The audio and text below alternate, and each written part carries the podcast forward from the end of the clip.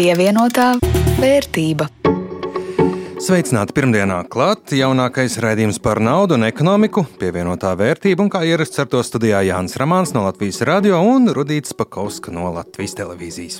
Šodien par tik daudz sološās digitalizācijas ēnas pusēm, drošības riskiem, digitālie draudi, kiberuzbrukumi, krāpniecība aug tikpat strauji kā šo risinājumu lietderība. Būs padoma, kā pasargāt savu uzņēmumu un arī tā klientus.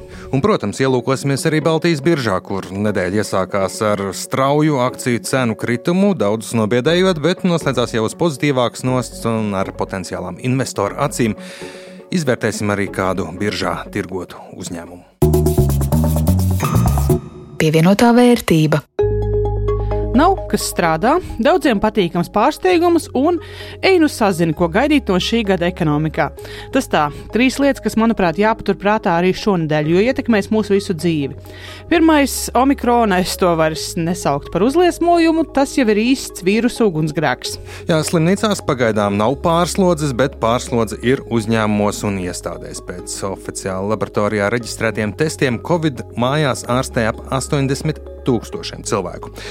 Pieskaitīsim vēl tos, kuri pie laboratorijas testa nav tikuši, kontaktpersonas un tā tālāk, un nav brīnums, ka uzņēmēji sāk just darbinieku.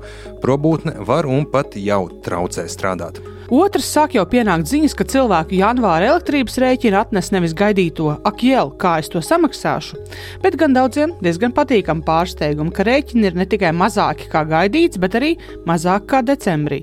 Sājumi pieņem atbalsta pasākumus energo cenu kāpumu kompensēšanai, un no elektrības rēķina valsts apņēmās samaksāt oik un sadalas maksas.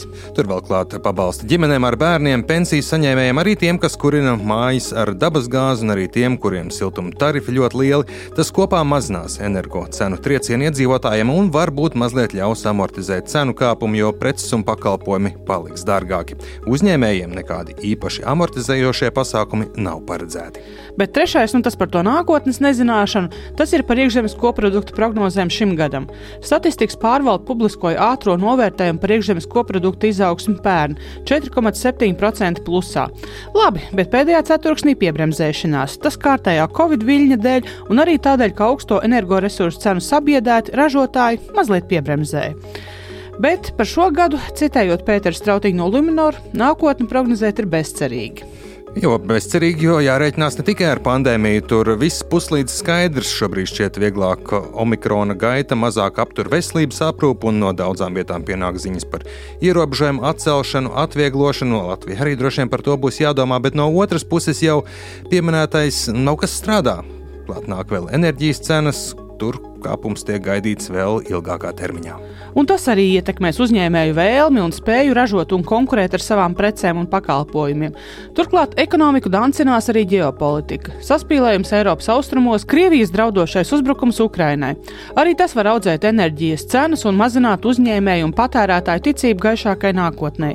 Un, ja nav ticības tam, ka dzīve, nu, ja nepaliks labāka, tad vismaz nepaliks būtiski sliktāka, tad arī tērēšana un ieguldīšana nav nekāda svarīgākā prioritāte. Jā, un ziņas skatās arī pasaules investori. Ja Latvijas reģionā ir nemierīgi, tas var izvēlēties šeit neieguldīt. Saka, nu sazini, kas tur notiek, kas tur būs, bet nu, labāk turēšos pa gabalu kādu brīdiņu.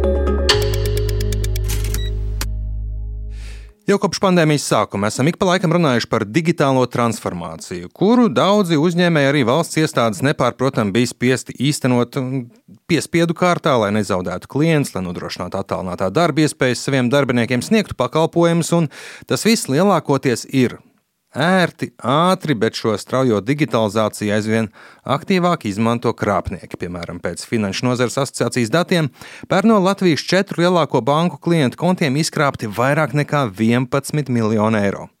Un tas nav tikai Latvijas fenomens, ja pērni pasaulē. Respektētais tehnoloģija izpētes un konsultāciju uzņēmums Gertner digitālo risinājumu drošību lika vien kā devīto svarīgāko jomu digitālajā vidē. Šogad tā ir augstajā otrajā vietā autentifikācijas rīka Smart ID izveidotāja, es kā ID Solutions biznesa attiecību vadītāja Sanita Meijera, biznesa tehnoloģija platformas Bismart nākotnes tendenci formā skaidro, ka uzbrukumi digitālajā vidē aug ģeometriskā progresijā. Neskatīsimies uz plašo pasauli, kur kiberuzbrukumi aug augumā, nu, raķetes ātrumā. Tepat Latvijā 2020. gads jau bija daudz. Uzbrukumus piedzīvojām katru 32 sekundi. 2021. gadā viņu bija vēl vairāk.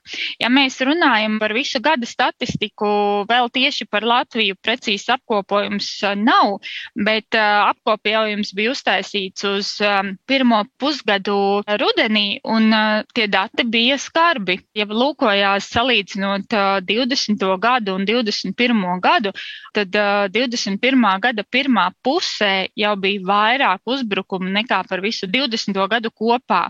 Nu, un, protams, tam visam ir tendence pieaugt. Tā kā šogad, 22. gadā, mēs noteikti pārspēsim 21. gadu. Pieļauju, ka ir maz cilvēku, kuri vismaz reizi pēdējo gadu laikā nebūtu saskārušies ar kādu telefona krāpniecības mēģinājumu, centieniem izvilināt paroles, piekļuves kodes, banku karšu datus vai pārliecināt atdot naudu kādam viltus ieguldījumu brokerim vai platformai. No uzņēmēja puses raugoties, ir būtiski pasargāt ne tikai savas datorsistēmas datus no potenciālā uzbrukuma, izspiešanas vai krāpniecības, bet arī no tā pasargāt savus klientus, kuri var tikt piemānīti konkrētā uzņēmuma vārdā. Diemžēl Latvijā pārāk maz, it īpaši mazie uzņēmēji aizdomājas par savu digitālo drošību, tā liecina uzņēmuma TET klientu aptauja, jo kāpēc lai kādam būtu interesanti pūlēties un uzlauzt kādu mazu, nepārāk nozīmīgu firmu? vienmēr tā motivācija, ja mēs runājam par uh, laušanu, tā motivācija ir tā, ka viņi varbūt netiek uh, mērķiecīgi neiet tam mazajam uzņēmumam, bet ir vesela gūzma ar procesiem, lai varētu iegūt vienkārši kaut kādas uzņēmuma datus. Mm. Un tad jau vienkārši, ja tas uzņēmums tiek uzlausts ar kaut kādiem skriptiem, konkrētiem, tajā brīdī tad uzņēmējs vienkārši nekur nevar sprukt, viņš ir spiests kaut ko darīt, maksāt. Respektīvi, te ir tā, ka varbūt es teiktu, ka nevis tas, ka kāds mērķiecīgi grib uzlauzt kompāniju X, bet tajā kategorijā vienkārši tiek meklēts vesels blāķis, bloks ar uzņēmumiem, kurus uzlauzt. Tā Ivars Zalbitēta pārdošanas un biznesa attīstības direktors, kurš maziem uzņēmējiem iesaka izmantot datu glabāšanu attālināti mākoņos, un tā kā atsevišķa IT speciālistā vesels nodaļas algošana varētu būt pārāk dārga, šos pakalpojumus pirkt kā ārpakalpojumu no ekspertiem. Jā, bet lai ar kuru digitālās drošības ekspertu runātu, visi teiks vienu. Galvenā problēma parasti nav tehnoloģijas, bet gan cilvēki, un tas ir vājākais posms jebkurā drošības ķēdē. Tas, kas mūs sagaida nākotnē no tādiem universāliem krāpšanas veidiem, tiek kļūst aizvien rafinētāk un katram konkrētam upurim pielāgotāki. Šī tendence jau tagad ir redzama. Latvijas izsakoties, ir pielāgotie uzbrukumi, jeb customized attacks. Un eh, tas ir tad, kad eh, mūsu klientus visticamāk kāds ir papētījis kādu laiku, pasakojot līdzi sociālajos tīklos, internetā pieejamai informācijai un tiešām tos uzbrukumus, kā saka, ļoti pielāgo konkrētam cilvēkam. Un tāpēc arī tie uzbrukumi kļūst arvien sekmīgāki, kad mums tiešām liekas, ka tas, uz ko mēs tiekam aicināti darīt, apstiprināt šos pinkodus, dalīties ar parolēm, dalīties vēl ar kādiem citiem svarīgiem datiem, ka tas notiek pareizā veidā un ka mēs pat neaizdomājamies tajā brīdī, kad eh, notiek uzbrukums. Arī Latvijā aizvien biežāk dzirdam, ka krāpnieki uzdodas ne tikai par banku, bet arī daudzu citu uzņēmumu pārstāvjiem. Pēdējie skaļākie gadījumi saistīti ar pastu un preču piegādes pakalpojumiem, viltus interneta veikaliem. Protams, cilvēkiem tos lietojot pašiem jāsako līdzi, ko dara, bet no otras puses tā ir arī uzņēmuma atbildība, un viņi var palīdzēt saviem klientiem, skaidros Sanita Meijera mēģinam apkalpot klientus tā, lai viņi domā līdzi savām darbībām, lai viņi apzinās, ko viņi dara. Tad krāpniekiem būs mazāk iespējas kā, uzdoties par mums apmānīt klientus, eh, izvilināt no viņiem sev vēlamos labumus mūsu vārdā. Pieredinam savus klientus pie šīs apziņotības, būšanas šeit un tagad un saprašanas, kas notiek šajā attālinātajā vidē. Ja ir aizdomas, ka kaut kas nav īsti pareizi un kāds uzņēmums jums prasa vairāk datu nekā iespējams vajadzētu, lai jūs saņemtu konkrēto preci vai pakalpojumu, vai lūdzu jums apliecināt savu identitāti ar internetbankas vai smart ID kodiem, padomājiet divreiz. Un varbūt sazināties ar konkrēto uzņēmumu pa kādu citu saziņas kanālu, vai tā tiešām ir tāda viņu ierastā prakse, jeb kāds viltvārds, izmantojot šī uzņēmuma vārdu, mēģina apkrāpt jūs. Pievienotā vērtība. Bet kas tad notiek Baltijas biržā? Aizvadītā nedēļa iesākās ar melno pirmdienu. Akciju cenām strauji zaudējot vērtību, teju visām bez izņēmuma sekojot globālām tendencēm. Baltijas indeksam teju 5% kritums, lai gan bažas inflācijas kāpums iespējamā monetārās politikas mājiņa nekur nepazuda, uz nedēļas beigām akciju cenas atguvās. Tā kā savā ziņā nedēļas beigās fiksētais Baltijas biržā apvienotā indeksa kritums par 1,37% izskatās pat visai labi un arī mana portfeļa pāris eiro vērtības sarukums tīri pieņemami. Manā portfelī nedēļas laikā, lai gan gāja vētraini, beigās ne īsti plusi, ne mīnusi, bet to, ka investori bija visai tramīgi, liecina arī tirzniecības apjomi. Lielākais apgrozījums bija Igaunijas uzņēmuma Enefit Green akcijām 6,7 miljonu eiro apgrozīti parasti ir uz aptuveni pusi mazāk, akcijas cena lejup par 1,2%. Otrajā vietā darījumi ar Lietuvas bankas Šauļu bankas akcijām tās tirgotas 6 miljonu eiro vērtībā un cena nedēļas laikā lejup par 0,8%. Trešie tirgotākie - Igaunijas finanšu grupas LHV grupa akcijas - 5,3 miljonu eiro vērtībā un cena lejup par 3%.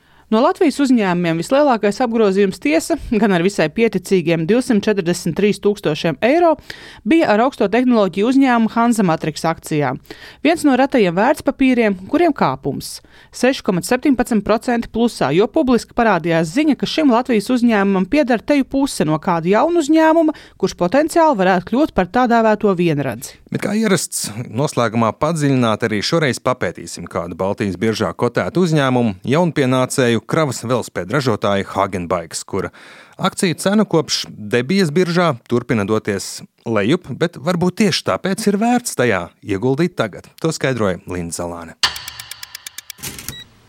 Igaunijā bāzētā velosipēdu ražotāja Hagenbaiks akcijas tiek kotētas biržas alternatīvajā tirgū.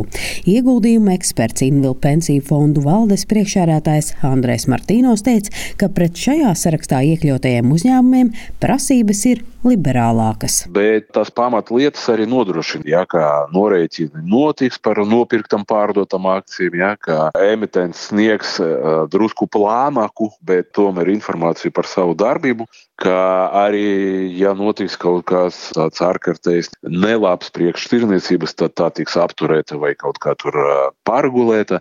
Nu, tas ir tāds atvieglotais variants. Nu, to var salīdzināt ar tādu tā kā gada tirgu, ja kaut kāda vietējā paša. Un šajā biržas organizētajā gada tirgu Igaunijas uzņēmums Hagenbaiks pirmos soļus spēris pavisam nesen, pagājušā gada izskaņā. Ja mēs runājam par Hagenbaiku, Jā, tas ir ļoti piemērots alternatīvajam tirgum. Tas ir diezgan mazs uzņēmums. Viņam nu, tā bilance ir kaut kur drusku virs 100 tūkstoši eiro. Uzņēmums nodarbojas ar velosipēdu ražošanu, kas izriet arī no tā nosaukuma. Un tas galvenais, varbūt, produkts, ko viņi šobrīd piedāvā un kur viņam tāds veiksmes stāsts ir izveidojis, ir kravas divrītiņu, jā, velosipēda ražošana. Hagenbaiks kravas velosipēda prototipu pabeidza 2018. gadā un pēc diviem gadiem sāka to ražot. Līdz šim uzņēmumam izdevies savu produktu pārdot 12 valstīs visā Eiropā. Principā tie investori, kuri piedalījās tās sākotnējā piedāvājumā, un tie, kuri varbūt šobrīd tirgojas un grib kļūt par akcionāru, viņi liek uz to, ka tās biznesa kļūst tāds vēl mērogojams, vēl vairāk, un izaugsmes temps turpināsies tuvākajos gados. Ja? Nu, tad reiz pieci, tur šogad, nākošais gads, vēl nākošais gads. Ja? Nu, tad tā cena, kura šobrīd ir virs 3 eiro, ja? nu, viņa būs tāda varbūt pamatota. Jo šobrīd skaidrs, ka Ja mēs paskatāmies uz to potenciālo atdevi, kas nāk no apgrozījuma un no, no potenciālas peļņas, nu, tās akcijas ir ļoti dārgas. Nu, pavisam dārgas, ja es teikšu tā. No ieguldīšanas vai investīciju viedokļa šobrīd pēc esošiem finanšu datiem pirkt absolūti nav racionāli. Bet, ja mēs skatāmies atkal uz to izaugsmes tempu, kurš, ja viņš tiks saglabāts vairākos gados, tad noteikti tā cena ir adekvāta. Andrejs Martīnos atklāja, ka gadījumā, ja viņš investētu šajā uzņēmumā, tad to darītu nelielā apmērā, jo kopumā uzņēmums ir mazs pat priekš biržas alternatīvā saraksta. Tomēr pozitīvs faktors, ka Hagenbaiks mērķis ir iekarot aizvien jaunus eksporta tirgus. Ja mēs paskatāmies to tirgus potenciālu, ja, nu tad viņam tā iespēja izaugt reiz 10, reiz 20, pat reiz 100 teoretiski pastāv. Velosportists, velosipēdu un dzīves stila veikala Brooklyn īpašnieks Toms Halsbergs teica, ka konkurence velosipēdu ražošanā pasaulē ir spēcīga un nišas produktu ražotājiem ielausties jau piepildītā tirgū ir grūti, bet ne neiespējami. Lielie pasaules velo zīmoli lauvas tiesu savus produktus ražo Āzijā, kas spēj piedāvāt konkurētspējīgu ražošanas cenu. Ja tu gribi būt konkurētspējīgs, tad šobrīd cita opcija kā Āzija nav, un no tā arī mūsdienās laikam jau sen vairs nav jābaidās, jo nu, tu jau pats nosaki to savu kvalitāti, kādu, cik kvalitatīvu, cik dārgu lētu tu to gala produktu vēlies. Ja tu gribi ražot šeit Latvijā, Baltijā, tad nu, viņam ir jābūt ar kaut kam ļoti specifiskam, īpašam. Nu, visbiežāk tas varbūt ir dizains, uz ko mēs varam uh, iziet un uh, vinēt jo ir neiespējami tikt līdz eh, tām Āzijas cenām un visiem eh, saskrūvētajiem dzelžiem, kas nāk no Āzijas. Hāgenbaiks trumpis ir kravas velosipēdi. Toms Alsbergs teica, ka pasaulē šis produkts jau sen ir pieprasīts, bet Baltijā tie straujāk pilsētu ielās sāk parādīties pēdējos divos gados. Arvien nozīmīgāku lomu šis velosipēds ieņem arī mūsu tenī ikdienā un var pamanīt, ka uh, ne tikai velo kurjeri, bet pat uh, māmiņas ved savus bērnus un Dānijā, Vācijā, Beļģijā tas ir pilnīgi normāli, ka mammas brauc ar kargo riteņiem un jo viņas nav problēmas aprīkot ar uh, elektromotoriem. Toms Halsbergs teica, ka pārsvarā kraus velosipēdu zīmoli savu produktu ražo Eiropā, nevis Āzijā.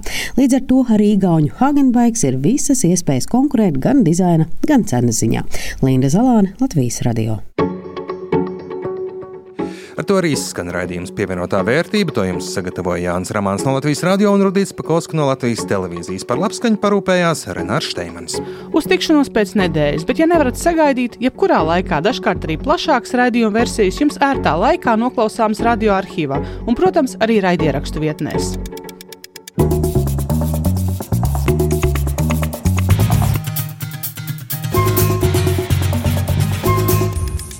Pievienotā vērtība.